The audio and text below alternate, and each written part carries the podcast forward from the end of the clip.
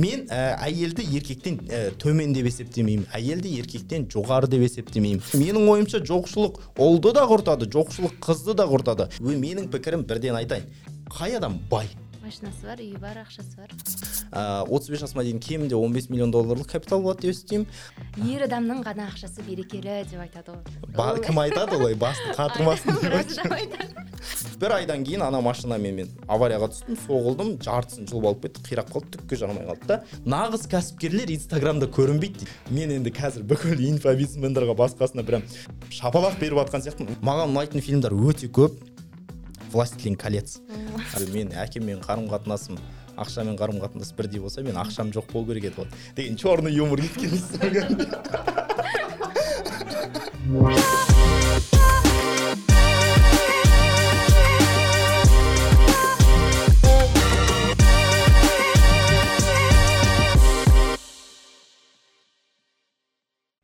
сәлем құрметті біздің бүгін подкасттың тыңдармандары ютуб арнаның көрермендері. Ә, сіздерге мен бүгінгі қонақты таныстырмас бұрын ең әуелі біздің ютуб арнаға жазылып қойыңыздар және біздің подкаст платформаларға міндетті түрде жазылыңыздар. Ә, енді қонақ таныстырайын. Ә, біздің қонақ ол кісінің екі есімі бар. Бірі еркебұлан екіншісі еркін. Енді қазір қалай атайтынымызды подкаст барысында біле жатармыз. Ең әуелі ә, еркебұлан сізге сіз дейін ба сен дейін ба? Сен дей берсең болады болды келістік. Ә, еркебұлан әріпбай бізде қаржы маманы. Ол кісі әлеуметтік желілерде инвестиция акция сияқты бізге бір бейтаныстау қиындау ұғымдарды ол өте қарапайым қазақ тілінде түсіндіреді. Ендеше қош келдіңіз көңіл күйіңіз қалай? Көңіл күй тема. иә бізге бұл жер өте қатты ұнап отыр. Өйткені бізде жаңа студия және осындай микрофонмен күшті бастап жатырмыз. Дауысты тема екен. Иә әдемі естіледі ә, енді еркебұлан ә, сіз осы қаржы саласына байланысты қиын терминдерді оңай түсіндіресіз. Ә, жалпы осы салаға қай уақыттан бастап келдіңіз? Және ә, таңдауыңызға не себеп болды? Ну біріншіден мен қиын терминдарды оңай түсіндіремін ба білмеймін мен енді қалай халыққа түсінікті болар деген оймен жетсем ғой. Ал ә, өзім бұған 2018 жылы келдім. Ә, енді мен мамандығым экономика өзімнің салам экономика. Сонымен қатар ә, енді мен көп жерде айтып жүремін ғой мен досым дейтін осы акцияны сатып алып сатып біраз пайда жасады да содан кейін мен оған қатты қызығып кеттім. Сөйтіп 2018 жылдан бастап ең алғашқы акцияларымды сатып алдым. Басында енді әрине ә, ол жерде кішкене көп қателіктер жасадым қателіктен кейін ақша жоғалтқан кездер болды. Содан кейін вот сонымен кірісіп кеттім. Ал енді мен енді өзімнің ойым акция деген кезде маған бір көп ақша керек сияқты сезім болады. Ну дәл қазіргі өзім тауып жүрген ақшамен акция алсам бір ә, керісінше бір құрдымға кетіп қалатын сияқты сезім болады. Негізінде акция сатып алу үшін қанша ақша керек? Так ә, бұл сұраққа жауап беруден бұрын ә, мына жерде көріп отырған кісілер болса айта салайын да акция деген не деген сұрақ болып жатқан шығар. Акция деген ол ә, үлкен бір компанияның кішкентай бір бөлігі. Айталық сізде міне мына телефонды шығаратын компания болсын атын алма деп атайық иә? Осы алма деген компанияның ішінде жұмыс істейтін адамдары бар сатылымдары барлығы үлкен компания ғой. Сол үлкен компанияның кішкентай бір отыз миллиардтан бір отыз миллионнан бір бөлігін айтсақ соны акция дейміз. Яғни біз соны сатып алсақ компанияның кішкентай бөлігін сатып алған сияқты боламыз да. Ал енді қаншадан бастау керек десек ә, оны мысал келтірейін. Мысалы фортобанк бар бізде қазақстанда да бір акциясы бес теңге тұрады. Халық банк халық банк иә бес теңге. Халық банк бар. Оның акциясы ә, біреуі жүз ну енді әр, әр кезде әртүрлі ғой бірақ 130 бен 160-ның айналасында тұрады. Демек ә, жай ғана мысалы қазақстанда халық банктың иесі біз акциясын сатып алсақ иесіміз ғой иесі болу үшін қалтамызда бір 200 теңге болса жетеді. Ал инвестицияны мен енді айына кемінде бір бес мың он мың теңгеден жасаған дұрыс деп есептеймін ал енді ақшамызды қалай бөлу керек? Мысалға бір бір айлық жалақымыз бар. Мхм. Соған біз ай сайын салып отырамыз ба акцияға қалай болады? Енді ол әртүрлі. Себебі бұл сала енді терең сала ғой екі жүз жылдық тарихы бар сала. Сондықтан бұл жерде әркім әртүрлі ақша табады. Кейбір кісілер бар оны негізгі жұмыс ретінде қарастырады. Таңнан кешке дейін оны зерттеп отырады. Содан кейін котировкалар әртүрлі дүниелерді зерттейді алады сатады. Біз оны трейдерлар деп атаймыз. Олар бір күннің ішінде мысалы ақша табатын сондай мүмкіндіктері бар бірақ риск да дәл сондай да бір күннің ішінде жоғалтатын мүмкіндіктері бар. Ал қарапайым адамдарға мысалы айтайық америка халқының елу пайыздан астамы инвестиция жасайды сондай қарапайым адамдарға бізде күнделікті олай зерттеудің қажеті жоқ күнделікті отырудың қажеті жоқ. Ақшасының бір бөлігін ай сайын осы акция сатып алып, сатып алып отырса болады. Әрине бір акция ғана емес мысалы халық банкті ғана алып қойсақ оның бағасы құлап кетсе ақша жоғалтуымыз мүмкін да. Сондықтан диверсификация деген термин болады. Ол ә, біз ақшамызға бір ғана емес көп акцияларды сатып алуға тырысамыз. Сол кезде біреуі құлап жатса біреуі көтеріліп жатады. Негізінен ә, ақшаның қай бөлігін десек мен ә, ақшаны былай бөлгенді жақсы көремін. Кірісіміз бар. Кірісімізді жиырма процентін сақтап қоямыз қалған сексен процентін жұмсай береміз да өзіміздің қажетімізге. Сол жиырма проценттің он процентін біз долларға ауыстырып немесе басқа бір валютаға ауыстырып қойып қоямыз. Ол мына көңіліміздің тыныштығы үшін ал мына қалған он процентіне акция сатып алуға болады. Қысқаша айтатын болсақ айына мысалы 200 жүз мың үш жүз мың теңге табатын адам ә, сонда бір жиырма отыз мың теңгесін инвестиция жасап акция сатып алып тек қана акция емес әркімнің көзқарасына байланысты облигация деген дүниелер болады дәл сол сияқты сатып алып отырса болады. Ал оның енді барлығында да осы сұрақ шығар оның жемісін қай уақытта көреді? Әртүрлі. Жақын арада емес қой енді иә? Ә, ну жеміс деген қалай егер де сіз дейтін андай кішкентай ғана жеміске риза болатын болсаңыз онда бір жылдан кейін де там бір айдан кейін де көре берсеңіз болады. Мысалы мен қызыма инвестиция жасап жатырмын деп айтамын ғой. Ол ә, жемісін уже қазір үш айлық үш айдың ішінде ол где то екі жүз елу мың теңге тауып алды да жұмыс жасап жатқан жоқ. Ол жеміс оған жеткілікті болса соны көре берсе болады. Бірақ менің ойымша акциямен айналысу үшін әрине кішкене біздің жоспарларымыз үлкен болу керек болашақты жоспарлауымыз керек та мысалы кейбіреулер үй сатып аламын дейді он он бес жылдан кейін. Біреулер баламды оқытсам дейді лондонға. Біреулер басқа машина сатып алсам дейді. Дәл сондай ұзақ уақыттың перспективасымен жұмыс жасасақ рискі да аз болады және пайдасы да көбірек болады. Үш айлық қызымда ақша бар дедіңіз иә? Уже жиналып жатқан. Иә. ал біз ойланып жүрміз оны жинайық па акция қылып ал сатып алайық па деп уайымдап жүрген кезде үш айлық қызда оны уайымдайтын түгі жоқ бәрібір ақша кетіп жатыр ғой қайда кетпей жатыр ақша иә? Иә. Жоқ шынымен ғой біз аз ақша тауып жүрген кезде де осылай өмір сүрдік қой өліп қалған жоқпыз да. Ал одан кейін көбейді көбейді табысымыз әлі сол күйіншідеміз да. Мүмкін иә саяхатқа шыққан шығармыз мүмкін басқа бір қымбат дүние сатып алған шығармыз. Бірақ расымен әлі жинаған жоқпыз бұл енді. Көп ересектің бір қателігі сияқты. Қателік болғанда ну бізде просто ақша жинауға қатты культ емес қой. Ә, мысалы мен ютубтан көремін кейбір атақты кісілерді айтады да ақша деген тұрмау керек ақша жұмыс жасау керек жай ғана тұрған ақшаның пайдасы жоқ ақша түсті ма оны жұмса саған берекетін береді білмеймін оның қандай екенін бірақ менің ойымша ақшаны жинау керек. Бірақ әрине ол ақшаны жинаудың өзінің ә, мөлшері болады да. Ә, ол кезде мысалы бізге ақша түсті тіп бірден ана елу алпыс процентін сақтап қойып өзім дейтін отыз процентіне қырық процентіне ғана өмір сүремін десем ол әрине қате да. Бірақ айталық ақша мысалы ақша қайдан түседі? Мынандай дүниені айтайықшы. Кейбіреулер айтады ақша қайдан келеді десең көп еңбек ету керек дейді да. Бірақ ақша мен еңбектің ешқандай қатысы жоқ қой. Себебі ақша мен еңбектің қатысы болса онда ең көп еңбек ететін шахтадағы кісілер мысалы ешқандай қарсылығым жоқ та. Шахтадағы кісілер немесе мысалы мұғалімдер өте көп еңбек етеді. Солардың барлығы ең бай болу керек. Бірақ қарайтын болсақ ең ә, көп ақша табатын кісілер әдетте ә, аз еңбек ететін адамдар да. Демек біз ойлануымыз керек. Так ақшаның еңбекке ешқандай қатысы жоқ та еңбекке ешқандай қатысы жоқ. Ақшаның неге қатысы бар десек ә, мен енді өзімнің зерттеулерім бар менің ғана емес енді мен ғылым саласындағы адаммын ғой. Сол басқа ғалымдардың зерттеулері бар әртүрлі кісілердің зерттеулері бар.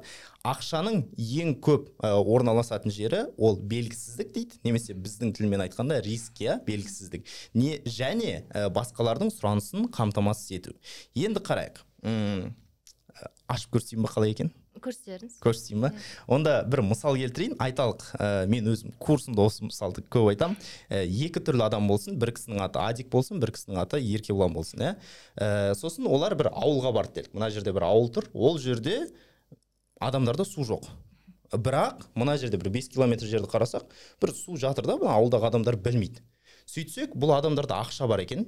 Ә, сосын мына адик пен еркебұлан тұрады да ақша табудың жолын қарастырады. Так мыналардан қалай ақша тапсақ дейді. И адиктің ойына мынандай ой келеді. Так бізде күшті мақал бар. Еңбек етсең емерсің деген мақал. Еңбектің наны тәтті жалқаудың жаны тәтті деген мақал бар. Давай мен еңбек етейін дейді да бір шелекті алады да ішіне он литр сияды. Әр литрін жүз теңгеден сатылады. Тұрады да мына барып бір шелекке суды толтырып келеді да он литрді айтады мың, мың теңгеге сатады. Оған бір үш сағат кетеді да. Күніне солай төрт рет барса ол он литрдан қырық литр алып келеді төрт мың теңге табады дұрыс па? Ал мына еркебұлан да айтады так ә, ақша еңбекте еңбек ақшаның қатысы жоқ давай мен бір жақсы бірдеңе ойлап табайын мына сұранысты қанағаттандыратын ол кішкене рискованный шаққа барады. Себебі ол өзінің қолында осыған дейін бар ақшасын барады да басқа бір жерден шланг сатып алып келеді бес километрлік та шланг сатып алып келеді да мынаны жалғайды оған уақыт кетеді бір айдай уақыт кетеді. Бірақ ол уже бір рет жалғап бір рет рискқа барып алғаннан кейін күніне мына ауылдағыларға шлангыны былай мынау кранын бұрап ашып жабу арқылы. Көп еңбек емес қой ашасың жабасың да. оп оңай ашасың жабасың. Сол арқылы күніне анау ә, адик сияқты қырық литр су емес күніне уже 400 литр су бере алады да.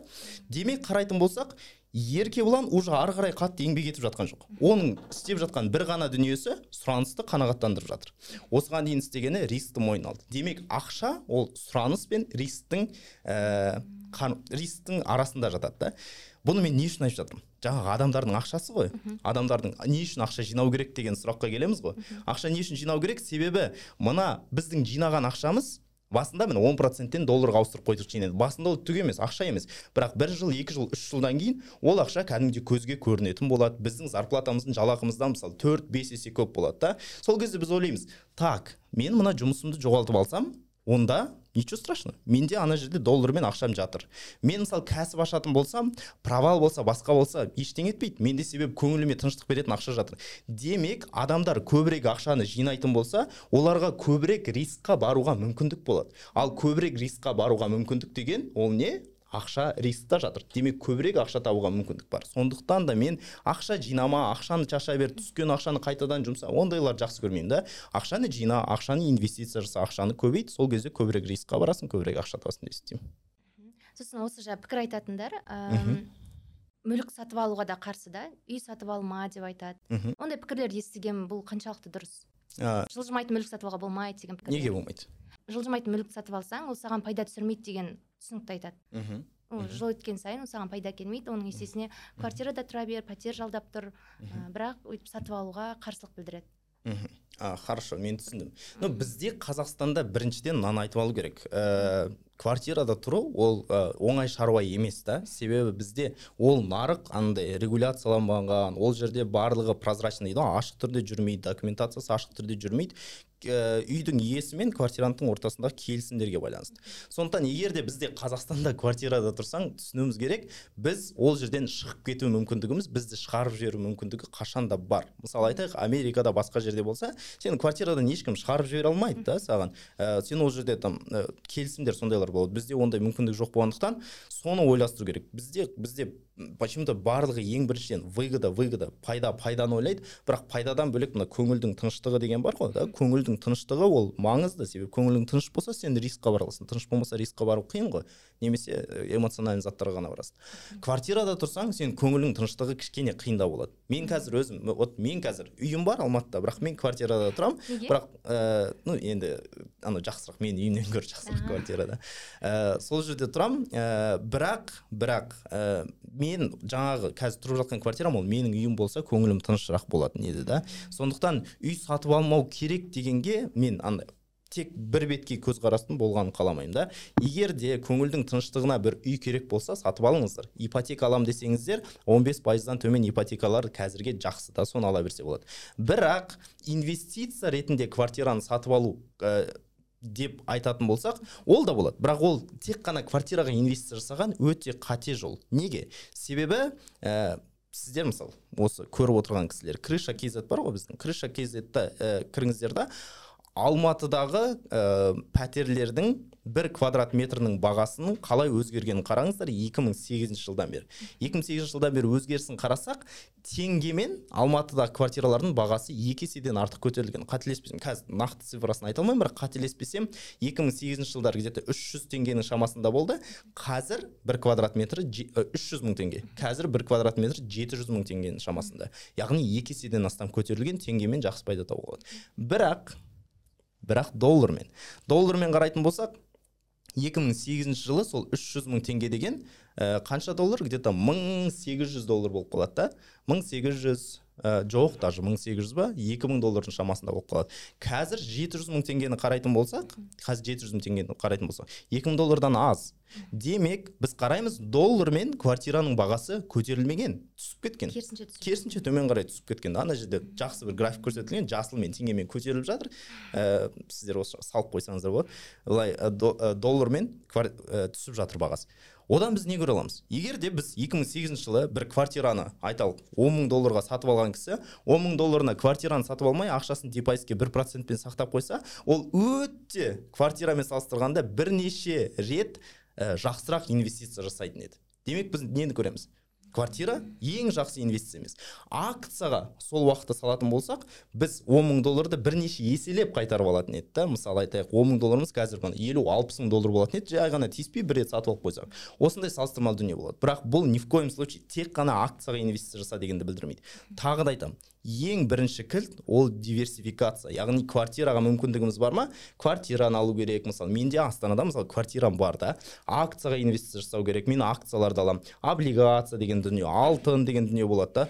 Әртүрлі инструменттер бар. Барлығына инвестиция жасасақ ол бізге жақсы. Себебі квартираның бағасы соңғы он жылда доллармен түсіп кетті деген ол өмір бақи түсті дегенді білдірмейді. Экономикада циклдар болады. Мысалы бір он жылда бір актив жақсы көтерілсе келесі он жылда басқа актив көтерілуі мүмкін. Сондай экономика сондай циклдармен жұмыс жасайды да. Сондықтан да біз әлемдегі ең ақылды адамдар емеспіз иә. Біз жай ғана қарапайым ә, адамдармыз. Қарапайым адамдар экономиканы терең зерттеп циклдарды болжап ондай қажет емес. Диверсификация жаса әртүрлі активтерді сатып ал біреуі саған көмектеседі біреуі түсіп жатса біреуі көтеріліп жатады. Солай біздің капиталымыз біреуін көтеріледі доллар біреуін алтын біреуін иә. Акция деген сияқты әртүрлі қылып иә. Иә депозитке салып қойың теңгемен ұстау керек доллармен әртүрлі жерде ұстау керек. Ә, енді бұл әрине мұның барлығы жақсы күшті кеңестер. Бірақ енді бізде ә, енді барлығына былай топырақ шашпайын бірақ қазақтарда ә, өзінің қолы жетпейтін дүние болса да кредит алу деген дүние бар. Яғни ақшасы жоқ бірақ жоқ ақшаға бірден зат алып қояды қымбат дүние. Немесе той жасайды. Енді расына келгенде ол ақша өзінде жоқ қой бірақ кредитке алады деген сияқты. Ә, осы нәрселер жалпы не себеп болуы мүмкін? Яғни біздің әлі күнге шейін кейбір ересектердің өзінің ақшасын дұрыс жұмсай алмай жатқанына оны жинай алмай жатқанына немесе осы айтқан дүниелер сияқты акция бір доллар жинау деген сияқты дүниелерді ескермей жатқанына не себеп болуы мүмкін қазақтарға? Да. Ең біріншіден кредит деген не екенін түсініп алайық та. Ә, инвестиция деген түсінікті да. Біз өзімізге бес мысалы еркебұлан бес жылдағы еркебұланға ә, там ә, процентімен ақша қайтарып беріп жатыр да бес жылдағы еркебұланға бес жылдан кейінгі еркебұланға. Ал кредит деген как раз бес жылдан кейінгі еркебұланға біз процентпен ақшаны тартып алып жатырмыз. Кредит түсінуіміз керек. Біз бүгін бір кредит өзімізде ақша жоқ та. Бірақ біз кредит алып бірдеңе сатып алсақ яғни ертеңгі еркебұланның ақшасын тартып алып жатырмыз да. Дәл солай. Бізде соны көп адамдар түсінбейді. Кредит деген ой ол бесплатный ақша сияқты көрінеді да. Ә, ал енді той жасау ә, кредитқа тағы да басқа деген дүниелердің себебіне келетін болсақ оның бір нақты себебін айту қиын да. Бірақ менің ойымша ең жаман себептердің бірі ол ә, біз анандай мен басқа халықтарға халықтар туралы ештеңе айтпаймын. Бірақ мен қазақ болған соң қазақтар туралы айта алатын шығармын деп ойлаймын. Біз кішкене мақтаншақпыз. Ә, шыны керек мақтаншақпыз да. Ой мен қазір кеше ғана кеше ғана сөйлесіп отырмын да бір біреу айтады ә, вот менің досым үйленіп жатыр қызына қалың малға екі миллион теңге сұрапты. Анау кредит алып қалың мал беріп жатыр дейді. И мен сол кезде ойлаймын анау ей оның ата анасы кішкене ойланбай ма? Қызын дейтін ана жерде қалың мал алу үшін қыз енді үйленіп жатқан кезде екі миллион теңгені күйеуі кредит қалып жатыр. Ол уже үйленді уже кредиттағы уже қиналып жүрген адам болады да уже қаржылық шұңқырға түсіп жатқан адам. Ата аналары соны көре тұрады да оларға ә, қалың мал бермесең үйленбейсіңдер деп айтады. Вот сондай бар екен мен оны көріп ана естідім да кішкене көзім мынандай үлкейіп кетті. Сөйтіп айтады екен неге десем олар айтады. Егер де сен қалың мал дұрыс бермесең үйленгеннен кейін сен олардың алдында сүмірейіп жүресің қашанда дейді. Немесе ыңғайсызданып жүресің жақсы араласамайсың біреулерге айтқанда да иә себебі миллион. көршілері келеді екен туыстары келеді екен да ей қалың мал бермепті ұят немесе о қалың мал екі миллион берді деп сондай мақтану да басқаның көзінше ел не дейді жұрт не дейді анау не дейді сондай дүниемен өмір сүргенді жақсы көреміз сондықтан мен анадан қалып қалмайын деп машина аламыз анадан қалып қалмайын деп той жасаймыз анадан қалып қалмайын деп менің ойымша кішкене адамдар жауапкершілікті өзіне алу керек сияқты да. Ел не десе о десін. Сенің балаңның болашағы елдің сөзінен маңыздырақ сенің өзіңнің болашағың елдің сөзінен маңыздырақ. Сен ертең ана жерде қаржының шұңқырына кіріп шыға алмай жатқан кезде елдің сөзі сені алып шықпайды. Иә ел саған қолдауы мүмкін. Ой аман бол бәрі жақсы болады деп та немесе біз жаныңдамыз деп айтуы мүмкін. Бірақ мә қолыңды созып сені ешкім шығарып алмайды. Сен өзіңді өзің ғана шығарып аласың да. Сондықтан ел не дейді деп кредит алған адамдар сіздерге айтайын алмаңыздар. Мен енді там ә, жасы жиырма жетіге келіп алып не өмір көрді деп жатсыздар ғой. Бірақ мен жасым жиырма жетіге келсе де қаржылық құзға түсіп жатқан адамдарды талай көргенмін алдыма талай келген және олардың проблемалары ұқсас. Ел не дейді деген дүниеге қатты көңіл аудармау керек. Иә дұрыс айтасыз. Енді бұны еститін құлақ болса әрине. Ал енді сіздің осылай м қаржылық сауатыңызды арттырып ә, және осы өзіңіз білетін дүниені өзгелермен бөлісіп жүргеніңізге де енді біраз уақыт болып қалыпты. Ал енді сіздің бала күніңізде ә, ақшаны қалай ұстағаныңыз қызық болып тұр. Ақшамен қарым қатынас деп айтады ғой енді қаншалықты бұл ұғым дұрыс екенін білмеймін бірақ ақшамен қарым қатынасыңыз қалай болды? Ә, мен өзім ә, шыны керек ә, ақшамен проблемалардан шыққан адаммын. Ә, мен енді бір екі жерде де айтқан мен кезінде жылдам ақшаның артынан қуып ставка қойып ел жұртқа қарызға кіріп кетіп сондай болғанмын да. Сондай ә, енді ел жұрттың алдында жаңағыдай жексұрын болып кеткен кездер де болған. Сөйтіп жүріп әйтеуір енді дұрыс кәсіп жасадық. қанша қарызға кіріп ә, енді ол кезде мен бір есептеуім бойынша сол уақыттарда бір бір миллион теңге шамасында болған шығар. Қазіргімен бір бес бес миллиондай болып қалар. Енді студентпін ол кезде ол кезде маған өте қиын болды. Бірақ соның арқасында мүмкін ә, бір жақсы дүниелерді үйреніп та мысалы курстарға қатыстым кітаптар оқыдым әртүрлі да. Өзім кәсіптер аштым өзім басқаруға тырыстым қаржылық әдеттерді жасауға тырыстым. Қаржылық әдет деген ең маңызды ғой. Соларды жасай келе енді қазір ондай шүкір қаржы, қаржыға байланысты аса проблема бар деп айта алмаймыз да. Бірақ сол моменттердегі проблемаларға не әсер етуі мүмкін десек әдетте адамдардың ақшамен ең алғашқы қарым қатынас әсер етеді екен. Мысалы менің қарым қатынасым қандай болды да ақшамен шыны керек. Ә, үйде енді жақсы қарым қатынастар. Біріншіден мен кішкентай кезімнен шыны керек ақшаны жақсы көрген сияқтымын. Себебі көріп жатырмын да сенің ақшаң болса анау мынандай дүниені сатып алады да ол қыдырады басқа дүние болады соны көресің. Бір шетінен ақшаны жақсы көру деген бар. Бірақ екіншіден мынандай ситуацияларда болған менің өмірімде. Мысалы айтайық бізде ә, бүкіл қазақстандағы ма екен әлде әлемдегі ме екен адамдардың жетпіс жетпіс бес пайызынан жоғарғысы ақшамен ең алғашқы қарым қатынасы ұрлау арқылы болады. Ол қалай? Мысалы айтайық бір үстелдің үстінде он теңге жатты да ешкім көріп тұрған жоқ. Сен тұрып фук еткізіп алып қалтаңа салып қойдың. Ана жерде бір бірдеңе мамаң ә, менің қалтамда бір бірдеңе алып берші деді қалтасына қолыңды салып қалсаң бес теңге жатыр екен. Фук қалтаңа салып алып қойдың. И содан кейін сразу а ондай ақшаны ең бірінші кішкентай балалар өздері ақша таппайды ғой бірақ ақша жинап бірдеңе сатып алғанды жақсы көреді. Магазин магазинге барып балмұздақ сатып алғанды жақсы көреді. Соны ә, алу үшін ақшаны қалтамызға салып қоямыз да бірақ ана ақшаны көрген кезде бізде ассоциация болады. Ақша ол ә, кінә. Яғни чувство вины дейді ғой. Ақшаны көрген сайын сол ақшаны көрген сайын сенде кішкене мына түп санамызда ә, кінәлі сезім болады. Қорқу иә да қорқыныш болады да. Қорқыныш болады кішкене күнә болады. Сондықтан ә, біз ол ақшада жаңағы өзімізді кінәлі сезінетін сезімнен құтылу үшін не істейміз? Ол ақшаны жылдам жойып жіберуіміз керек. Барып жүгіріп барып ешкім көрмей тұрғанда әне күліп отыр ғой болған сияқты да. Ешкім көрмей тұрған кезде магазинге барып бүйтіп бір балмұздақты сатып алып соны ешкімге көрсетпей жеп алуымыз керек та. Сол кезде біз өзіміз де ақшадан бір ләззат алған сияқты боламыз және оны ешкім көрмей қалады да. Дәл сол сияқты болады. Немесе мынандай ситуациялар болуы мүмкін. Менде ондай болды шыны керек та жаңағындай ақшаны тығып сөйтіп жұмсап жіберетін кездер. Сондықтан мен өскен кезде түсіндім кейде мен ақша жинай алмайтынымды сезіндім да. Себебі мен ақша кішкене жинай бастасам менде чувство вины өзімді кінәлі сезіне сезіне бастаймын да. Содан кейін барып бірдеңені сатып алып қоямын. Барамын да киім сатып алып қоямын бірдеңе сатып алып ұзақ ақшаны ұстай алмаймын. Сөйтсем ол кішкентай кезінен басталады екен ғой. Содан кейін оны зерттесек әртүрлі психологтар басқалардың зерттесек сондай дүниеден басталады екен. Тағы бір мысалдар бар. Мысал айтайық. Ә, адамдар ақшаны жинайды жинайды жинайды жинайды да.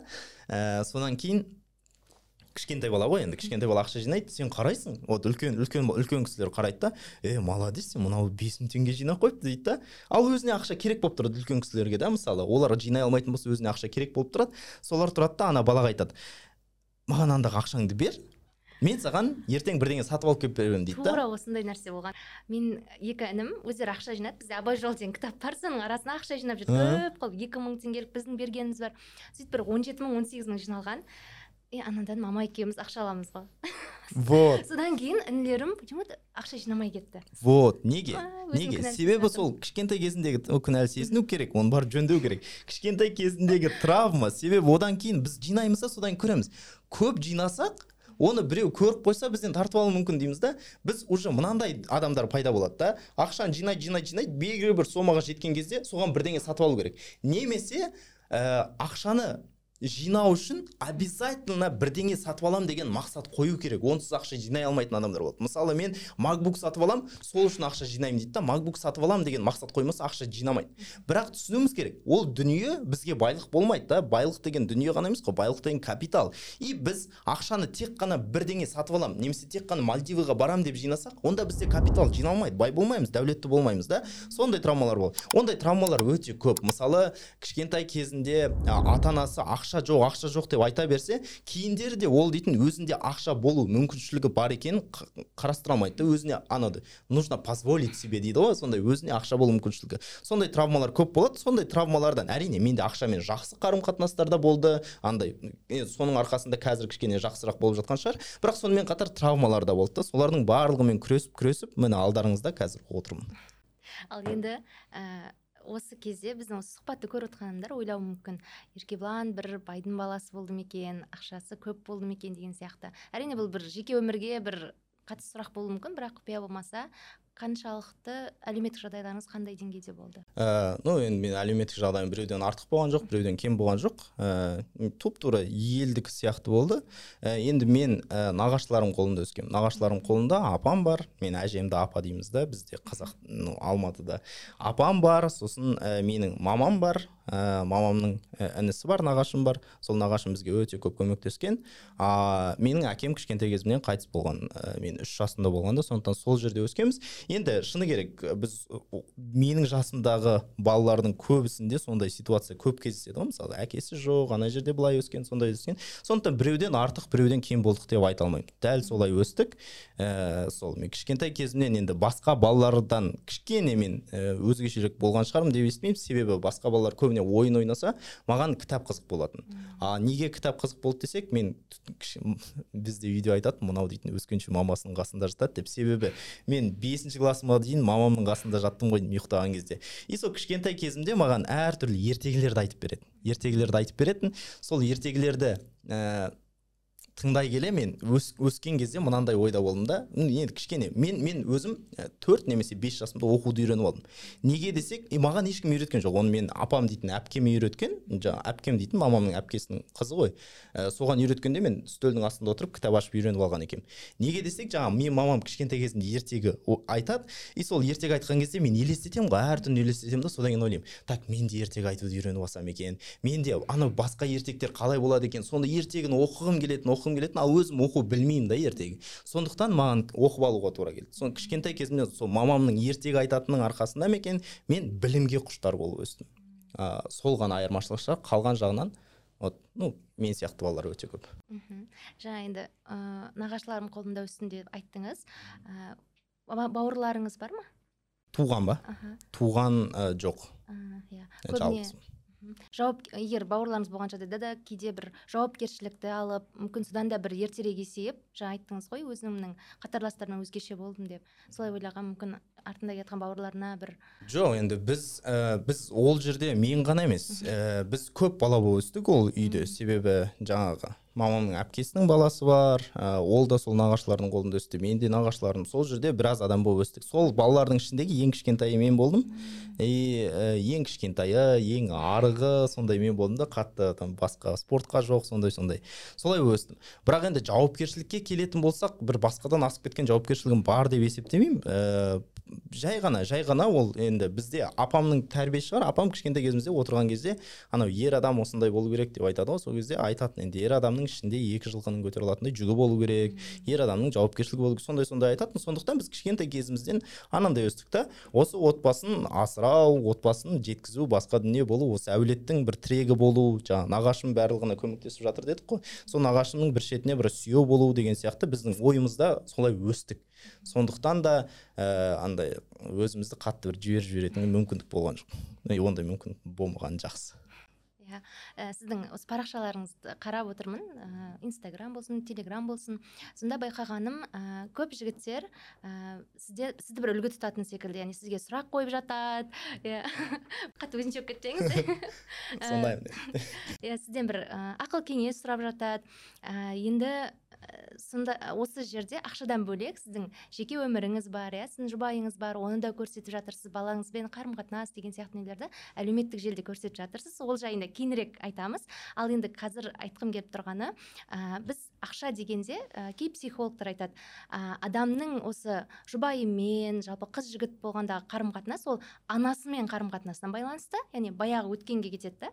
Ал ақшамен қарым қатынас ол әкесімен қарым қатынасына қатысты дейді. Яғни бұл жерде сен әкеңмен қандайсың ақшаға да солай қарым қатынас жасайсың деген түсінік қой. Жалпы мұндай түсініктермен келісесің ба ыыы не білмеймін мен психолог емеспін ғой бірақ ол прям анандай жүз процент дәл сондай болу керек десе өтірік шығар. Себебі мен әкеммен қарым қатынасым ақшамен қарым қатынас бірдей болса мен ақшам жоқ болу керек еді ғой. Деген черный юмор кеткен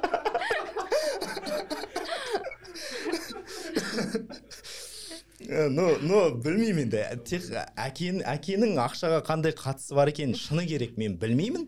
Ә, себебі ақша ол белгілі бөлек әлем ғой әке ғана емес. Менің ойымша кейінгі кезде анандай көп болып кетті ғой нужно простить своих родителей нужно проработать своих родителей. Мен білмеймін сен дейтін ата анаңда нең бар да? Ата анаң өзінің өмірін сүрді саған беретін берді шамасы жеткенше сені өсірді басқа қылды ары қарай сен ересексің ба сен өзіңді проработай да өзіңмен жұмыс жаса. Сондықтан ә, сен өзіңнің бәрібір жетістігің жетістігіңді проблемаңды барлығын ата анаңа келіп мә! деп тіркеп қою дұрыс емес деп есептеймін әркімнің өзіне өмір беріледі өзінің өмірін өзі сүреді өзінің шешімдерін өзі қабылдайды өзінің жауапкершілігі өзінде.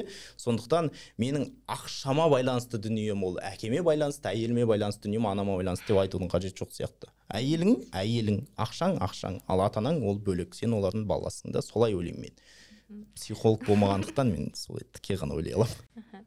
Осы осы жерде тағы бір нәрсе есіме түсіп отыр деп бәрін айта берейін ма әйелдің ақша тапқаны оның берекесі болмайды. Ер адамның ғана ақшасы берекелі деп айтады ғой. Кім айтады олай? Басты қатырмасын деп жалпы осы ақшада береке бар дегенге көзқарасың қандай? Ну мен мен ақшада береке бар деп есептеймін. Себебі ә, берекесі мысалы мен талай адамды көргенмін да айына бір 5 миллион 10 миллион табады айдың ақшасы айға жетпей жатады. Бірақ айына бір екі жүз үш жүз мың табады да үйлерінде береке барлығы бар барлығы жеткілікті ондай адамдар болады. Берекелі ақша берекесіз ақша деген болады менің ойымша. Және ол береке адамға бір аспаннан жоқтан беріледі деп есептемеймін ол берекені үйренуге болады. Менің ойымша береке деген ол қаржылық сауаттылық. Және мен ә, мынандай ақша бар деп есептеймін. Бақытты ақша бақытсыз ақша деген дүние бар деп есептеймін. Ол қалай? Ә, бақытсыз ақша деген сен біреу саған ол ақшаны ренжіп берсе былай ой осыны мәш жарайды деп. Немесе біреуді бір алдап арбап ақшаны алып алсаң сенің қолыңа түскен ақша бақытсыз болады деп есептеймін. Ал бақытсыз ақша ертең басқа ақшалардың бәрін айтады ей мына мынаның қалтасына келмеңдер бұл жерде жаман бәріміз бақыттысыз ба деп. Бақытты ақша қалай келеді? Бақытты ақша сен біреудің алғысы арқылы келеді да мысалы ох красавчик мына курсың мысалы мен курс жүргізсем мына курсың өте пайдалы болды деп жаңағы ақшасын берсе содан кейін өмір бақи сен туралы риза болып жүрсе ол ақшаң бақытты да бақытты ақша басқаны шақырады. Осы жерде бірден айтайын мына көріп отырған адамдар мына жігіт эзотерик бірдеңе деп ойлап қалмаңыздар. Оның әнді кәдімгі практикалық түсіндірмесі бар иә біз бақытты ақша бақытсыз деп түсінікті болу үшін өзімізге айтып аламыз ғой бірақ бақытты ақша деген алғыспен келетін дедік та. Ал ол қалай басқа ақшаны шақырады? Ақшаның тілі жоқ қой. Ол қалай шақырады? Егер де сіз менің курсымды алдыңыз делік та ал мен мысалы берекелі болуға тырысамын мен ақшамның бақытты болғанына тырысамын. Сол үшін мен сізге барынша керемет сервис жасаймын. Сізді оқыты білім алып дамығанша сізбен бірге кураторлар барлығын жасаймын да. Сіз маған соншалықты риза боласыз маған ақшаңызды бақытты қылып бердіңіз бірақ ертесі күні сіз не істейсіз? Сторисқа саласыз. Мынаны үйрендім мынаны үйрендім дейсіз сол кезде сізге біреу жазады ғой қайдан үйрендің десе сіз маған алғыспен ақшаны беріп тұрған соң мен ішіңізде алғыс толып тұр да маған. Сіз тұрасыз андай еркебұлан деген кісі бар содан оқыңдар содан оқыңдар деп. Яғни мына ақша сіздің аузыңызбен маған басқа ақшаны шақырады. Ол сервис аталады да немесе репутация деп аталады сондай ақша бар деп есептеймін мен. Ә, сондықтан сол ақшаның берекесіне қарай. Әйел мен еркекке келетін болсақ әйел мен еркекке келетін болсақ мен ә, әйелді еркектен ә, төмен деп есептемеймін. Әйелді еркектен жоғары деп есептемеймін. Менің ойымша құдай тағала адамды жаратты ма? Адамды менің ойымша сенің дейтін әйел болғаннан кемсің мына болғаннан артықсың деп жаратты деп есептемеймін. Талай әйелді көрген берекелі талай еркекті көрген берекесіз. Керісінше де талай еркекті көрген берекелі талай әйелді көрген берекесіз. Менің ойымша оның барлығы адамдардың мына мінезіне сезіміне алған біліміне өмірлік тәжірибесіне байланысты деп есептеймін үйіңде әйелің ақша таба ма? Пожалуйста керемет. Әйелің ақша таппай ма? Ничего страшного сен де таба аласың да. Керісінше де болады. Мысалы қазір тик токта приколдар жүр ғой мынандай.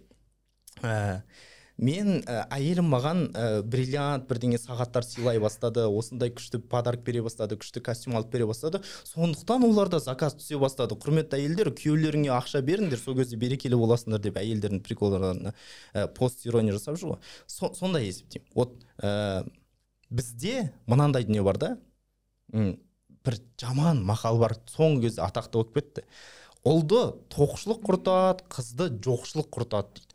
Менің ойымша денің сау ма аман есенсің ба басың істей ма? Онда ақшаңды тап та құдай үшін ұлыңды да қызыңды да жоқшылық жоқ, жоқшылықсыз өмір сүргіз. Себебі менің ойымша жоқшылық ұлды да құртады жоқшылық қызды да құртады. Ал ақшасы бар болып өскен мен не кием не жеймін деп өспеген ертең ақша қалай тапсам екен деп уайымдамай өскен бала менің ойымша қалай жақсы адам болсам екен деген уайымдау керек деп есептеймін құрметті достар. Сондықтан да біз баламызды тәрбиелеген кезде мә деп ақшаны беріп қойғанымыз жеткіліксіз. Ақша оларға беретін минимальный дүние. Ары қарай біз оларға қалай жақсы адам болуды үйретуіміз керек. Сол кезде менің ойымша ана көшеде жаңа парковкада келе жатсаң самокатпен да самокат тұратын жерде біреу ленд крузер 200 қап қара соны самокат тұратын жерге қойып қояды. Менің ойымша сол кісіні кішкентай кезінде қалай жақсы адам болсам деп уайымда деп ешкім тәрбиелемеген сияқты. Себебі ана ойламайды мына самокатпен келе жатқан қаншама адам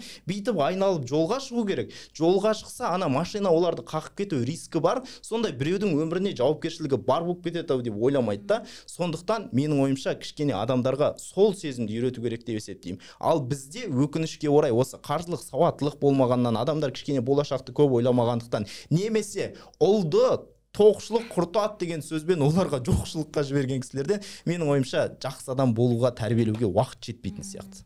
Сол. Иә дұрыс айтасыз келісемін. Ә, енді менде тағы бір сұрақ. Ә, осы ақшаны таптық иә ә, тауып жатырмыз көбейіп жатады. Сол кезде бір ой келеді. Папама сыйлық алып берсем екен бір қымбат бірақ бірдеңе алғым келеді немесе мамама алып берсем екен деп ә, алып беріп жатқандар да бар қымбат машина қымбат үй ә, бірақ әлі өзін кейбір кісілер толықтырмайды әлі өзіне керек затын әлі өзінің қалауын орындамай жатып ата анасына немесе бауырларына қымбат сыйлық алып беру бұл қаншалықты дұрыс бұл да бағана сіз айтқан ә, ақшадан құтылудың бір жолы ма? Сондай болуы мүмкін. Немесе енді көп ата аналар мысалы балаларын өсірген кезде ә, мен сені өсірдім жеткіздім бақтым қақтым. Ары қарай сен мені бақ қақ деп айтуы да мүмкін. Әртүрлі болуы мүмкін ғой енді. Бірақ ә, менің ойымша кез келген адам енді мен біреуді сынамайын біреуді мінемейін ол менің пікірім менің пікірім бірден айтайын. Мен өзіме ғана қатысты басқа біреуге пікірімді қажет етпеймін да. Ә, менің пікірім өзіме ғана. Менің пікірім қандай? Вот ә, адам ең бірінші орынға өзін қою керек деп есептеймін. Ол әкесін емес шешесін емес басқаны емес өзін қою керек деп есептеймін оған бірнеше түрлі ә, түсіндірулер бар да. Мысалы дін жағынан қарайтын болсақ енді дінге сенетін адамдар әртүрлі болуы мүмкін да. Мен барлығыңыз ә, діни адам деп ә, айтпай ақ қояйын. Ну дін жағынан қарастыратын болсақ онда адамның өмірі ә, біздің берілген мына рухымыз тәніміз жанымыз ол бізге берілген аманат сый да. Біз егер де оған қамқор болмасақ оның бір жақсылыққа жеткізбейтін болсақ онда біз осы сыйды осы аманатты бостан босқа құртып жатырмыз да. Бұл біріншіден да. Ә, екіншіден мынандай біз ең бірінші өзімізге жақсылық жасамай мына жеп тұрған тамағымызды жырып барып былай адамдарға беретін болсақ біз ол адамдардан бірдеңе күтеміз. Ей мынау маған жеткілікті деңгейде рахмет айтса екен. Мынау кейін маған бірдеңе жасаса екен деп. Сондықтан біз өзіміздің аузымыздан жырған кезде біздің мына миымыз түсіну керек қой. Не үшін беріп жатыр мынаны? Мен мен жеу керек тамақты не үшін басқа біреу жеп жатыр? Сол кезде миымыз түп санада бір жауап іздей бастайды. А мүмкін оның рахметі маған ләззат сыйлар. А оның мынандай дүниесі маған ләззат сыйлар. Себебі адам дейтін сондай ләззат сондай дүниені іздейді ғой енді. Сондықтан егер де біз ананы машинаны алып бердік та бірақ сол машинаны ол сындырып қойса немесе машинаны дейтін тура сол кезде енді қалаған жасай алады ғой берген соң. Сондай бірдеңе істесе мүмкін біз ренжи бастаймыз. Немесе мүмкін рахмет айтпаса мүмкін біз ренжи бастаймыз да. Сондықтан сондай қарым қатынасты бұзбау үшін басқа үшін мен машина алып беру керек демеймін. Алып бер машина. Бірақ ең бірінші өзіңе қажетіңді жасап ал. Өзіңе қажетіңді жаса содан кейін ата ананың қажетін жаса. Менің ойымша ата ана өмірде сенің балаң болмау керек деп есептеймін. Ата ана сенің ата анаң болып қалу керек. Егер де ата анаң сенің мында барсам ба оған ақша керек еді деп сенен сұрап тұрса да мына жерде жасасам ба деп оған оны, оның барлығына сенің аузыңа жалтақ, жалтақтап тұра берсе жалтаңдап тұра берсе сен оның көлігін әпер киімін әпер басқасын сепер бүкіл жағдайын сен ғана жаса да саған тәуелді болып қалса ол сенің балаң болады да. Ал ә, қандай ата анаға өзінің баласының аузына қарап соған жалтаңдап отқан? Ұнайды менің ойымша ешқандай ата анаға ұнамайды да. Сондықтан біріншіден сен ата анаңа жағдайын жасайсың ба? Тоже оның ә, менің ойымша подход дейді ғой. Оның келетін жолдары бар. Сен ата анаң жағдайын жасайсың ба? Ата анаң өзін саған тәуелді сезінетіндей жасауға болмайды деп есептеймін. Мысалы ақшаны бересің ба? Бір рет берді вообще сұрама не болды бірдеңе? Бердің ба все болды өзі біледі не істейді. Машинаны бердің ба все болды өзі біледі не істейді. Қой машинаны алды бүгін дейтін барып өртеп жібере ма? Өз еркі. Сондай болу керек деп есептеймін. Бұл біріншіден. Екіншіден қандай ата анаға өзін егер де баласы өзінің аузынан жырып тұрып қиналып тұрып ақшаны жинап машина алып бергені қандай ата анаға ұнайды? Менің балам мысалы менің қызым өсіп жатыр да бұйырса менің қызым өзінің өмірін барынша қиын қылып бүкіл ақшаны жиып теріп маған машине бергенін мен қаламайтын едім.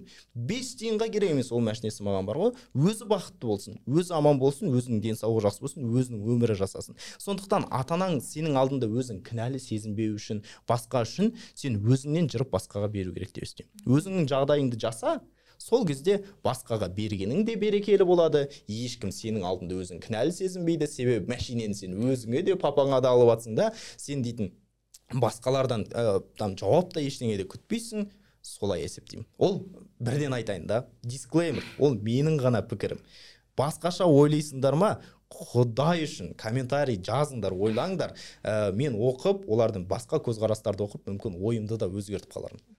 Ә, бұған енді бір себеп мынау қазір әлеуметтік желідегі блогерлердің ата анасына машина алып беріп жатқан үй қаншама еңбек қаншама тер деген әңгіме.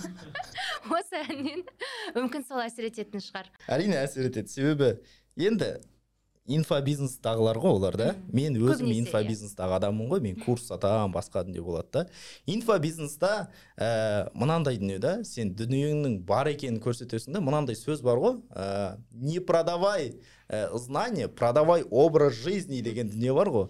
Вот адамдарға сен дейтін байсың. Кереметсің мамаңа енді ата анасына енді бізде қазақта жаңағыдай ата анаға жауапкершілікпен өседі ғой барлығы. Сен ата анаңа машина алып беріп жатсың ананы жасап жатсың үй алып жатсың өзің мынандай істеп жүрсің киім киіп жүрсің адамдар дейтін соның барлығын көреді да осындай сияқты болсам екен дейді. Ал адамдар шығады да инфобизнесмен мен сияқты болғың келе ма? Менің курсымды сатып ал деп айтады да вот дүниемен сата береді сондай дүниелер бар шыны керек та. Ондай дүниеден мен де тазамын деп айтпаймын. Мен де ондай қателіктерді жасағанмын мысалы мен осындай ел жұрт алдында жеке брендімді көтеріп алсам екен деп бір күшті машина сатып алдым жиырма екі миллион теңге тұрады. Ешка он жетінші жылғы. Мерседес полный комплектация. Сөйтіп істедім. Ну ниетім таза болмады ма? Бір айдан кейін ана машинамен мен аварияға түстім соғылдым. Жартысын жұлып алып кетті қирап қалды түкке жарамай қалды да. И содан кейін мен бір жақсы ойға келдім. Біріншіден ең бірінші сол кезде ойға келген құдайға шүкір дедім. Құдайға шүкір себебі осы жерде менің жанымды емес менің жаным ана мәшинені алып кетті да. Темір терсегімен кетсін сол қалсын да. Бұл бірден. Екіншіден мен тәубеме келдім сразу. Тәубеме келдім. Ей еркебұлан сен енді арт жағыңды ойла алды артыңды ойла. Сен дүниемен ел, ел жұртқа сыйлы бола алмайсың да. Дүниемен сен басқаның ә, жақсы көзқарасын ала алмайсың. Сен ел жұртқа сыйлы болатының ол сенің жақсы әрекеттерің сенің мінезің басқа. Бірақ осы кезде айтуы мүмкін. Ей өтірікші бірақ елдің барлығы дүниемен сыйлы болып жатыр ғой. Сен қандай киім киесің? Встречает по одежке деген сөз бар ғой. Қандай киім киесің қандай машинамен жүресің со, соған сыйластық болады ғой деп. Иә кейде бизнеста тағы да басқа да жақсы таныстар табуға көмектесер да. Бірақ адамдар ондай кезде сенің дүниеңе қарап сыйлайтын адамдар саған негізі дос емес негізі жақын емес олардың сыйластықтары негізі қатты құнды емес та. Сондықтан иә сондай болуы мүмкін. Бірақ ә, вот сондай сондай ә, сондай өмірлерге қатты қызығудың қажеті жоқ. Мынандай бір парадокс бар. Вот жақсы сұрақ қой жа, тема бір сұрақ бар. Ә, қалай ойлайсың? Бір екі адамды салыстырайық. Бір адамның счетында бір миллион доллары бар. Тағы бір адам бар оның счетында 200 мың доллары бар. Бірақ мықты машинасы бар. Үйі бар. Олардың бағасын қосқанда как раз таки 800 мың доллар шығады. Бірақ даже одан да қымбат болуы мүмкін. Қай адам бай сенің ойыңша машинасы бар үйі бар ақшасы бар. Да солай солай елдің бәрі айтады да. Бірақ ә, сіз де солай ойлайсыз ба? Бүйтіп отырсыз ғой о сөйтіп ойлайды неге сөйтіп ойлайды да? Себебі бізде байлықты дүниемен есептеуді үйреніп қалғанбыз. Бірақ қарайтын болсақ екеуінің де капиталы бір миллион доллар ғой. Анада да бір миллион доллар мынада да бір миллион доллар да. Капитал жағынан екеуі бірдей. Бірақ таңдау еркіндігі кімде көп? Таңдау еркіндігі кімде көп? Миллион доллары бар адамда көбірек та таңдау еркіндігі. Ал енді ойлайықшы біз біз байлықты не үшін жинаймыз? Біз байлықты дүние болсын деп жинаймыз ба әлде бақытты болай бақытты болайық деп жинаймыз ба? Әрине бақытты болайық деп жинаймыз да. Адам бұл жерде өмірде бақытты болғысы келеді дүниелі болғысы келмейді. Сондықтан ал бақытқа не әсер етеді? Ол еркіндік пен бақыттың ортасында корреляция бар.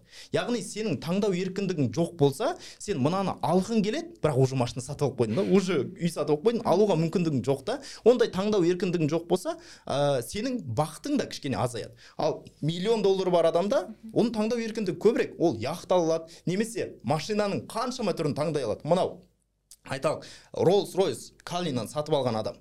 Оның машинасы бар. Бірден басқа машинаны таңдай ала ма? Жоқ. Себебі ода оған жететін ақшасы жоқ та. Ал мына бір миллионы бар. Қаншама таңдау еркіндігі бар. Өзі біледі. Демек біз нені түсінуіміз керек? Ақшаның мақсаты ол жұмсалу ақшаның мақсаты дүниені сатып алу емес. Ақшаның мақсаты бізге таңдау еркіндігін беру. Неғұрлым бізде ақша көбірек болса соғұрлым таңдау еркіндігі көбірек. Бірақ неғұрлым біз сол ақшамызға бірдеңені сатып алып қойсақ уже таңдау еркіндігіміз азая бастайды. Ойлайық менің қалтамда бір миллион теңге бар. Бір миллион теңге болса мен технодомға кіремін да менің таңдау еркіндігім бір миллион теңгеге келетін кез келген дүние. Бірақ мен бір миллион теңгенің алты жүз мың теңгесін айфон сатып алып қойдым ба менің еркіндігім тек қана төрт жүз мың теңге. Менің саяхатымның еркіндігі төрт жүз мың теңге менің барлық еркіндігім төрт жүз мың теңге. Демек біз қазір инстаграмда не көріп жүрміз? Инстаграмда үй сатып алып мәшинені сатып алып керемет соның барлығын көрсетіп таңдау еркіндіктерін мынау төмен деңгейге жеткізіп қойған адамдарды көріп жүрміз да соларды қараймыз. Бірақ мынандай сөздер бар ғой нағыз кәсіпкерлер инстаграмда көрінбейді дейді. Немесе нағыз дәулеттілер инстаграмда көрінбейді дейді. Себебі олар олар адамдар басқаның көзбояушылығына басқаның алдында керемет болып көрінудің орнына өзінің таңдау еркіндігін көбірек сақтауға жұмыс жасап жүр деп есептеймін. Сондықтан мен енді қазір бүкіл инфобизнесмендерға басқасына прям андай шапалақ беріп жатқан сияқтымын. Өзіме де қосымша беріп жатырмын. Себебі мен де инфобизнесменмін ғой. Бірақ шыны керек таңдау еркіндігі көп адамдар олар дүниемен мақтанбайды. Негізі негізі. Сондықтан ә, қатты еліктеудің қажеті жоқ. фомо дейді fear of missing out. бірдеңеден қалып бара жатқан сияқтымын деген сезім қажет емес. себебі инстаграмда адамдар ең жақсы өмірін көрсетеді ең жақсы сәттерін көрсетеді. ал қиналып жүрген сәтін кім көрсеткісі келеді? Оны көрсетсе де бір курстың кезінде көрсетуі мүмкін. Иә басында. Ой ол классический история ғой. Басында менде ә, түк жоқ болды. Сосын пайда бола бастады сосын қатты құладым сосын көтерілдім мен сияқты болыңдар деген классический история ғой. Жаңа енді жол апаты жайлы айтып өттіңіз ғой машинаңыз жол апатына ұшырады деп. Сол кезде әлеуметтік желіде сіз салдыңыз иә? Ә, сақтандыру компаниясымен проблема болып жатқан. Иә. негізі бұл мен қатты біле бермеймін өйткені маған міне досым айтты да ана сол жігіт қой соны сұрашы міндетті түрде қалай болды екен осы оқиғасын біліп берші деп досымның өтінішімен сұрап отырмын. Проблеманы басы қалай болды шешілді ма ол проблема? Хорошо ә, ну мен ол жерде кінәлімін мен кінәлімін. Ну ә, заң бойынша негізі мен кінәлімін. Себебі мен былай разворот дейді ғой былай бұрылыс алып жатқан кезде ана жерде келе жатқан машинаны көрмей қалдым. Ә, мүмкін енді ел жұрт айтады ол сондай оқиға ғой сен көз байланып қалады дейді. Сондай дүние. Бола ма болмай ма білмеймін. Бірақ мен көрмей қалдым. Бірақ шыны керек ана машина қатты келе жатқан ғой енді бүйтіп.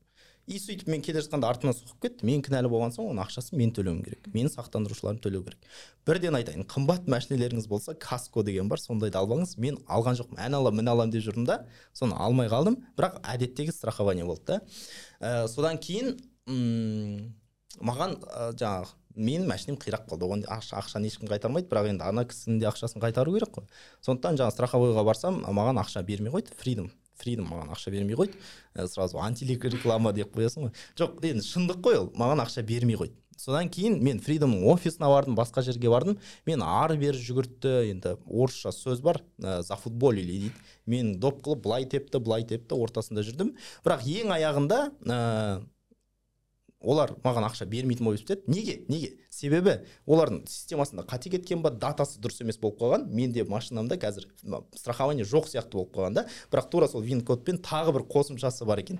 Сөйтіп жүріп әйтеуір мен заңгерлерді жалдадым юристті жалдадым досудебный претензия жасадым. Сөйтіп жатып әйтеуір олар ақша беретін болды. Қазір ана кісінің ақшасын беріп жатыр. Плюс еще соттан кейін мен де үстіне қосымша ақша төлейтін болдым. Жақсы болған екен. Да.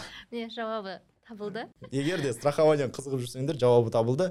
Фридомға ол енді антиреклама басқа реклама емес енді қазір ақшаны беріп жатыр ғой. Сондықтан ә, беріп жатыр ақша в общем. Ал енді ә, сенің саяхатты жақсы көретініңді шетелге шыққаныңды жақсы көретініңді білемін. Ә, өзіңе ең қатты ұнаған қай шетел? Және оны сол елдің қазақстанмен о барселона еуропа және оның қазақстанмен салыстырғанда не нәрсе ұнады? Негізі шетелде қалар ма едің тұрар ма едің? Сондай мақсатың бар ма? Ә, барселона ұнайды маған бірінші орында. Барселонаны барселонаны көрмеген кісілер болса сіздерге айтайын евротур жасаймын бірдеңе жасаймын деп ол қайтесіздер евротурды бар ғой бір, он күнге барасың да көп европаны көру сен бардың ба? Иә екі апта. Шаршайсың? қатты шаршайсың да. Ең соңғы төрт күнде ой көрмей ақ қояйықшы сол францияда ұйықтағанбыз бір күн бойына. Вот шаршайсың да көрмейсің. Одан да менің ойымша бір екі қаланы ма үш қаланы ма таңда он күнге бар да соларды от души көріп қойды и обязательно барселонаны көру керек. Себебі барселона деген бір шетінен ә, ауа райы өте керемет та. Мына жерде ә, теңіз теңіздің жанында мына пляждары бар ә, жерорта теңізі бар иә пляждары бар. Одан кейін ол жерде архитектура өте керемет. Мысалы гауди деген кісі бар. Сол гаудидің культі бар ол жерде да мысалы саграда фамилия деген бар. Бірдеңе әртүрлі енді сондай. Жерлер бар. Архитектурадан бөлек ол ә, қаржы яғни ол қаржы әлеміндегі бір топ ә, жерлердің бірі. Сонымен қатар мода мода ол жерде өте қатты дамыған. Ә, сонымен қатар ресторандар барлығы өте қатты дамыған. Және бір дүние барселонада мынандай дистрикттарды байқадым мен. Бір сен бір точкада тұрсаң саған жұмысыңа баруға киім сатып алуға басқа дүние қаланың екінші бір нүктесіне барудың қажеті жоқ. Сен осы айналада барлығын сатып ала бересің. Бұның барлығы не үшін керек та? Бұның барлығының арқасында қалада пробка өте аз. Яғни кептеліс өте аз. Сен дейтін мысалы мына жерден шығып мына қаланың точкасына барғанша былай бара саласың да а аналар да былай былай жүре береді. Қатты кептеліс болмайды да. Адамдарға тұруға өте ыңғайлы. Сен көлікпен жүрем десең де ыңғайлы. Ә, жаяу жүрем десең де ыңғайлы. Барселона деген прям әзірге топ бір. Топ екі абу даби ол жерде толықтай қауіпсіздік сезімі. Ә, тұрар ма едің өмір сүрер кстати топ үш топ екі мен топ үшті әлі анықтаған жоқпын. Топ екі мен топ үш рим мен абу даби ал енді тұрар ма едім десек енді бір болады бір екі үш айға барып тұрып келуге басқаларда бірақ ә, шетелде тұратын адамдар шетелге кететін адамдар түсінетін шығар. Ә, сен тек қана қазақстанда свой яғни тек қана қазақстанда сен өзіңнің үйің бар да. Қазақстанда дәл осылай отырып сөйлесе аласың. Қазақстанда сен көшеде жаңағы ленд крузер екі жүзді қалдырып кеткен адамға ренжіп сосын көрген соң дейтін аға машинаңды алып тастасайшы мына жерде барлығымыз қиналып жүрміз сен айта аласың да сен ол жерде себебі өзіңнің үйің. Ана жерде мен болады бір рет магнумға барып бір кісі дейтін мынау корзинада келе жатыр да бананның қабығын алып жерге лақтыра салып жатыр анау елудегі әйел кісі мен бананды ала салып ана кісіге ұрыса аламын да сен біздің ортақ үйіміз ғой бұл не үшін мына қоқыс тастап жатрсың деп шетелге барсам мен оны айта алмаймын. Себебі мен ол жерде бөтенмін ол жерде қонақпын менің үйім емес ол жерде мен ешкімге керек емеспін да. Сондықтан мен шетелге көшіп кетсем мен ұзақ уақыт бес алты жыл ешкімге керек емес шет бір қонақ болып жүремін да. Ал қазақстанның адамдары ол сияқты маған ешкім жақын ешкім жоқ та. Менің түсініктерім сәйкес келетін өмір салтым сәйкес келетін адамдар жоқ. Қазақстанның мынандай өмір қалалары басқалары да мен барлық нүктесін білемін. Алматының дейтін шұңқыр шұңқырларын барлығын білемін. Ондайлар жоқ. Қазақстанда маған мүмкіндік менің алғашқы тілім қазақ тілі. Иә мен ағылшынша орысша сөйлей алатын шығармын. Бірақ қазақша сияқты мен ойымды жеткізе алмаймын ешқандай тілде да? Және қазақша сияқты мені түсінетін ешкім жоқ. В общем қазақстан тема қазақстаннан көшпеймін деп ойлаймын. Күшті күшті. Расымен жаңағы шетелге барғанда ә, сенде бір еркіндік пайда болған сияқты. Қазақстандағы ә, киген киімді кие аласың ол жақта? Кие алмаған киімді? Шетелде кие аласың? Еркін жүресің өйткені сен танитын бір досыңды немесе таныстарыңды көріп қалмайсың деген сияқты бар. Бірақ бәрібір біз әр жерде жүргенде қай елге барсақ та мынау алматының тауына ұқсайды екен немесе. Иә мынау иә алматының осы алматыда осындай жерлер бар ғой. Алматымен е мынау арбат қой деп айтатын ба? Тура сөйтіп жүрдік та. Бізде бәрібір сондай салыстырмалы түрде бір екі аптаға барған шығармыз қыздармен. Алматымен ассоциация болып жүрді барлық жерде. И келген кезде алматыны сағынып ана жақсы көріп қуанып жерге табамыз. Келген кезде кәдімгідей қуаныш болған. Сол кезде мен ойлағанмын ай осы мен Алма- ой, бәйшетелде тұрамын деп бұған шейін армандайтын едім ғой. Жоқ енді тұрсам да бір белгілі бір алты айға немесе бір жылға мүмкін да бірақ оны да білмеймін. Солай тұруға болатын шығар бірақ бәрібір де туған жерге жететін ешнәрсе жоқ. Иә қазақстанда туыстарың бар Иә. сен қайда тастайсың олардың барлығын? Көріп жүру керек қой олармен араласып тұру керек. Бірақ енді он жылдан кейін қандай болады ойымызды білмейміз ғой. Құдай біледі иә андай. Не зарекаюсь дейді ғой. Иә. ондай заттарды айтуға болмайды. Мысалы. нақты білмейміз. Иә. Ал енді осы он жылдан кейін еркебұланды қалай көресің? он жыл деп айтып жатырмыз ғой. Білмеймін білмеймін. он жылдан кейін. Но мынандай енді менің қаржылық жоспарларыма келетін болсақ ә, қаржылық жоспарларыма келетін болсақ мен енді қазірден бастап қанша ақша жинап жүргенімді қалай жинап жүргенімді қай жерге инвестиция жасап жүргенімді барлығын білемін ғой да. Қанша процентпен қанша процент қайтарым болу керек сондай дүниелерді білемін. Ә, соған қарайтын болсақ менде бұйырса ә, қазір мен 27-темін да. Бұйырса 31 жасыма дейін кемінде менде ә, миллион долларлық ә, андай капитал болады деп ойлаймын бұйырса 35 жасымда бұйырса кемінде 15 миллион долларлық капитал болады ну миллион долларға мен уже 31 жасыма дейін емес бір 29 жасыма дейін жетіп қалатын сияқтымын бұйырса ә, 35 жасыма дейін кемінде 15 миллион долларлық капитал болады деп есептеймін. Ары қарай енді капиталды өсірумен айналыспаймын. Сондықтан ә, мүмкін сол 10 жылдан кейін 15-20 миллион долларлық капиталым болатын шығар. Мүмкін мен ә, енді кәсіппен өмір бақи жүрмейтін шығармын деп есептеймін. Ә, менің негізі анандай бірнеше рет айналып сонымен айналысуға тырыстым. Бірақ мен ә, ғылым саласында біраз дүние жасағым келеді. Сонымен айналысқым келеді. Ғылым болғанда тек қана экономика емес сонымен қатар физикаға қызығамын да. Сондай салаларда біраз еңбек етіп көргім келеді. Бірақ енді оны құдай біледі менде мүмкіндік бола ма болмай ма. Қазір менде ә, өкінішке орай ондай мүмкіндік жоқ. Себебі мен үйімдегілер бар. Ә, мен ақша табуым керек оларды асырауым керек. Мен қызым туып келе жатыр менің мамам қазір бірге тұрады әйелім бар. Ә, енді қазір кішкене сондай жұмысқа сондай ақша табуға басқа дүниеге көңіл бөліп кішкене қаржылық еркіндік деген түсінік бар ғой. Сол дүниеге жеткізіп алатын жұмыс жасап жатырмыз. Мүмкін сол он жылдан кейін ғылым айналысармын мүмкін қоғамдық жұмыстар болады да сондаймен айналысармын ә, сол. Ал енді жаңа кейін қайтып келеміз деген сұраққа қайтып келдік.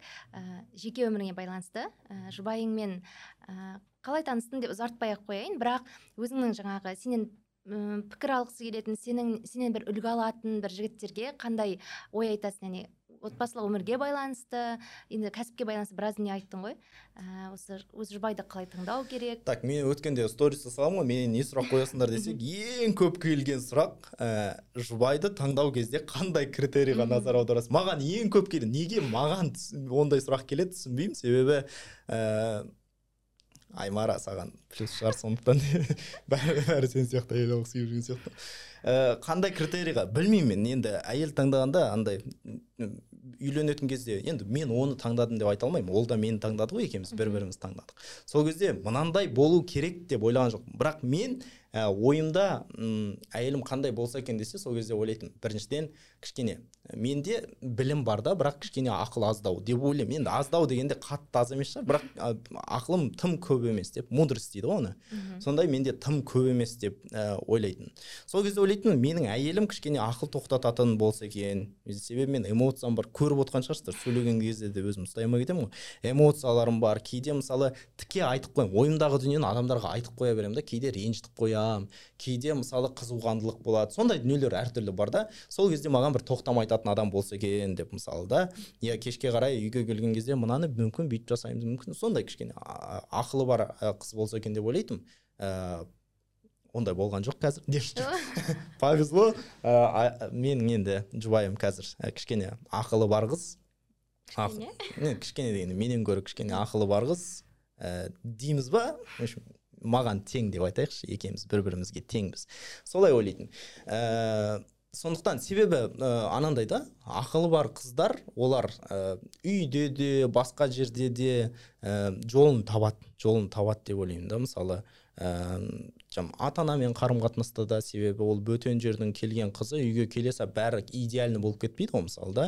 Менің мамам менің мамаммен бірден мына шүйіркелес ә, болып кетпейді да сондай дүниелерде әртүрлі жолдарды іздеуге тырысады конфликт болады оларды шешу сондай әртүрлі дүниелерде шешім табылатындай болса екен деп ойлайтын сондықтан ә, егер де еркебұлан болсаңыздар сіздер де ақылды әйел алғыларыңыз келетін шығар. Бұл біріншіден да екіншіден маған кейде мен мен шешімді жылдам қабылдаймын. Өте жылдам шешім қабылдаймын. Бірақ кейде батылдығым жетпей қалатын кездер болады. Масштаб жетпей қалады да менде. И сондай кездері мысалы бір уақыттар болды. Мен бір дүниені сатып алу керек болады бір дүниеге инвестиция жасау керек болады. Сол кезде өзімді былай итере алмай тұрған кезде маған анандай айтатын адам болды да ей ала бер или ей жасай бер көретін көреміз да болмай бара жатса мен мысалы мен кейде уайымдап қалсам мынандай блин ақша таба аламын таба алмай қаламын ба? Мынаған барлығын салып тастасам мына кәсіпке. Одан бірдеңе шықпай қалса бірдеңе деп айтсам айтады ей болмай бара жатса басқа жаққа көше саламыз. Болмай бара жатса мен өзім жұмыс жасаймын. Сондай сондай әңгімелерді айтады да. Сондай қолдау қолдау деп айтады ғой ондайды содан кейін енді мен қалай қалай мен қорқып тұрамын да? Сол кезде сондай қолдайтын адам болса деп ойлайсың ә, сондай сондай. Бірақ бір четкий критерий жоқ деп есептеймін. Әркімнің өзіне сай адамды іздеу керек шығар. Ә, сол. Ұзақ шешім қабылдаудың қажеті жоқ. Ал енді ә, бағанадан бері сенің жалпы осы кәсіпке байланысты ақшаға байланысты саяхатыңды да айттық ә, жеке өміріңді де қозғап жатырмыз. Енді адамдарға сенің қандай кітапты қандай киноны және қандай әншіні тыңдайтының қызық болатын сияқты. Сол үшін соны бір біреуден айтып шықсаң. Кино кітап кітап оқысаң егер. Кітап кино әнші. Кітап оқысаң жоқ енді оқымайтындар да бар ғой. Әнші әншіге келетін болсақ енді біртүрлі менде мен музыка, музыка жағынан мендегі талғам біртүрлі шынымды айтайын.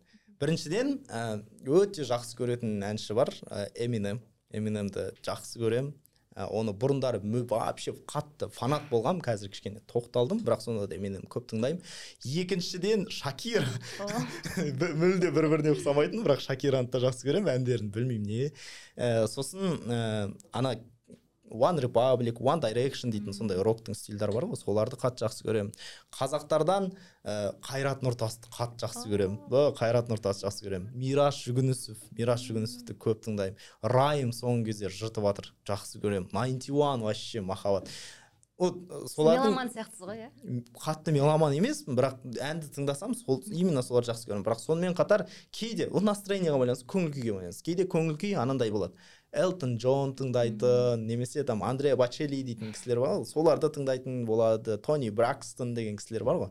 Ә, кейде вот тек қана төреғали төре, төрәліні тыңдайтын болады да ә, біртүрлі қыз деген сияқты бірдеңелер сондай настроениеға байланысты болады. Кітапқа келетін болсақ кітап менің өміріме қатты ну, ең жақсы көретіндер бар және өміріме қатты әсер еткендер бар. Ә, қатты әсер еткен және жақсы көретін дегендерді айтуға тырысайын. Ә, енді ең көп айтатын кітабым ә, вавилондағы бабыл қазір қазақша аудармасы да бар оның. Бабылдағы ең бай адам дейді. Вавилонда ең бай адам. Ә, соны оқып көрсеңіздер болады. Жаңа мен айтқан қаржылық кейбір принциптер сол жерде кездеседі. Екіншіден ә, адам өмірде кез келген жаңа дүниені бастап тек қана аз аздан үздіксіз үзбей бірақ аз аздан жасасақ сол жерде жетістікке жету мүмкіндігі бар екенін көрсететін бір кітап бар мартин иден деген джек лондонның. Соны оқып көрсе болады. Ол андай бизнес бірдеңе кітап емес ол андай художественный литература. Сол жерде бірақ анау персонаж прям ұнайды сіздерге. Бірақ аяғында спойлер айтпай ақ қояйын аяғында бірақ онша емес жағдайлар болады. Ну жалпы өте жақсы кітап. Сонымен қатар менің қазіргі бір анау ой өрісіме кішкене әртүрлі дүниені ойлаудың стильдарына әсер еткен кітаптар бар. Ә, чак паланиктің бойцовский клуб білмеймін неге екенін бірақ сол мен қатты көңіліме келіп қалған. Ә, содан кейін постмодернизм дейді ғой. Енді ә, содан кейін э, мың тоғыз жүз сексен төрт деген кітап бар да оруэллдың. Вообще маған қатты ұнаған. Скотный двор деген олардың бәрін орысша оқығанмын қатты ұнаған. Тек қана эмоция керек болса о мышах и людях деген бар прям драма. Ә, енді орысша тоқтамайтын сияқты ғой иә. В общем тізім тоқтамайды осылардың бәрін оқысаңыз да ә, керемет болады. А над пропаси воржи дейтін басында оқыған кезде онша ұнамаған бірақ кейін махаббат болады оқыңыздар. Киноға келетін болсақ кино жөнінен мен енді ә, кино қандай керек? Маған ұнайтын кино керек па или пайдалы деп ойлайтын кино бірінші өзіңе ұнайтын сосын пайдалы? Маған ұнайтын фильмдер өте көп өте көп. Ә, біріншіден мендегі топтарды айтатын болсақ ә, властелин колец ә, возвращение кар... ну бәрін орысша көрдік қой енді біз орысша дубляжын сондықтан орысша айта берейін да. Ә, властелин колец деген прям топ үш үш фильмі да трилогиясы. Ә, ең ә, ең мықтысы возвращение короля дейтін.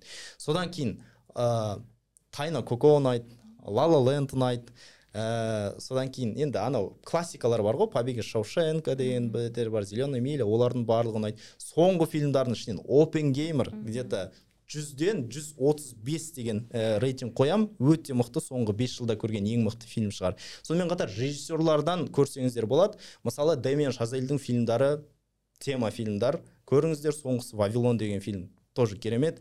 Одан бөлек ә, ноланның фильмдары мементодан бастап өте керемет. Теннет деген тоже ну довод деген күшті фильмі соңғысы көбіне өтпеді бірақ тема. Ә, тарантиноның фильмдары қатты жақсы көремін. Дэниел ә, так прибытиені түсірген атын қалай ұмытып қалдым кешірші да. Бірақ прибытие деген фильмді көріңіздер да. Ә, бегущий по лезвию сол сол кісі сол ә, режиссердің фильмдарын айта берейін. Дюна керемет. В общем фильмдар фильм жағынан маған менен сұраңыздар мен сізге топ жүзді айтып беремін. Солардың барлығын көрсеңіздер болады да. Пайдалы деп есептейтіндер енді әртүрлі әртүрлі мысалы ә, пайдалы деп есептеймін. Мысалы соңында соңғы кезде бір фильм шықты маркетинг жағынан өте пайдалы. Ол ә, анау Air Jordan бар ғой Air Jordan кеды шығарған. Сол туралы фильм болды. Ә, соны көріңіздер. Большой прыжок деп аталады да сол сол керемет фильм соны көріңіздер пайдалы дейтін основатель деген макдональдс туралы соны көріңіздер. Ә, содан кейін э, в погоне за счастьем деген бар да как раз. Соны көріңіздер. Ол как раз бизнесқа сатуға маркетингқа қажетті. Ал егер де мынандай фондовый рыноктан осындай шабыт алғыларыңыз келсе шабыт үшін уолл стрит деген фильм бар ескі. Ә, соны көріңіздер. Кейінгі анау ә, немене волкс уолл стрит емес уолл стрит деген фильм бар. Екі түрлі бөлімі бар. Соларды көріңіздер фондовый рынок туралы жақсы білім береді. Ә, сонымен қатар игра на понижение деген бар. Ә, сол Дэн- ә, кристиан бейл ойнайтын ә, как раз ол реально біздің 2008 жылдағы кризис туралы болған. Сол жерде ә, кішкене терминдар туралы білімдерді береді. Соны көрсеңіздер болады. Документалкалар көріңіздер сериалдардан міндетті түрде друзьяны көріңіздер. Ә, друзья деген friends ағылшынша дубл- дубляжбен көріңіздер өте керемет болады. Ә, сосын теория большого взрыва деген бар көріңіздер. Аниме көретін болсаңыз айта берейін ба тоқтайын ба? Анимені де жалғастыра беремін анимеден біреуін айта салыңыз өйткені аниме жақсы көретіндер көп қой. Аниме. Соңғы уақытта бір күшті аниме көрдім. Рагнарёк деген. Нетфликста топ жүз. Күшті күшті. Ал енді ә, осы сұхбатымыз аяқталып қалды. Енді менің орнымда сіз болсаңыз еркебұланнан не сұрайтын едіңіз? Ай білмеймін. Не қалып қойды деп ойлайсыз? Так так. Ә, білмеймін. Жеткілікті шығар жеткілікті шығар. Ә, мүмкін басқа сұрақтар қалса келесі сұхбаттарды күтесіздер. Немесе мен YouTube каналыма келіңіздер инстаграмма жазыңыздар сұрайсыздар. Рахмет көп көп. Ә, бізге келіп осындай өзіңіздің ә, жалпы қаржы жағынан ақша жағынан жалпы ә, өмір жағынан даму жағынан бізге пайдалы ақпараттарды бөліскеніңізге көп көп рахмет. Расымен егер де қалып қойған нелер болса бұйырса алдағы сұхбаттардан көрерміз. Бұйырса. қоштасып алсаңыз болады. Сізге де рахмет көп көп. Осылай сені де айтамыз деп келістік қой. Ой. саған да рахмет көп көп. Осылай ә, әртүрлі сұрақтарды қойып кішкене менің дейтін андай ел жұртқа мені таныстырып жатқаныңа да ал осы жерде отырған көрермендер сіздерге алдын ала рахмет. Маған хейтерский комментарий жазбай өте күшті комментарийлар жазып жатқандарыңызға ойларыңыз менімен келіспей жатса біз конструктивті сын жазып жатқандарыңызға рахмет. Бірақ жалпы менің көрермендерім осыны көреді ғой. Сондықтан мені қолдап жүрген адамдар менің парақшамда бұрыннан бері жүрген кісілер сіздердің барлықтарыңызға рахмет. Келесі кездескенше осындай сіздердің алдарыңызда менің кішкентай да болса өмірлік тәжірибемді көзқарастарымды бөлісіп жатқаныма рахмет. Қуаныштымын. Сау болыңыздар. Құрметті көрермен ә, біздің бүгін подкасттың ә, жалпы келесі қонақтар кім болғанын қалайсыздар? Пікірге жазып кетсеңіздер болады. Және осы подкасттан қандай пайдалы ақпарат алдыңыздар? Оны да міндетті түрде төменде пікірге жазыңыздар. Ә, сондай ақ біз ә, YouTube арнамызға міндетті түрде жазуларыңызды сұраймыз. Ал біз бүгін подкаст подкаст барлық платформаларда бармыз. Яғни apple подкаст google подкаст болсын өздеріңіз қай форматта тыңдағыларыңыз келеді немесе видео көргілеріңіз келсе міндетті түрде ютубқа жазылыңыздар. Сіздерден қолдауды қатты күтеміз. Ендеше қош сау болыңыздар.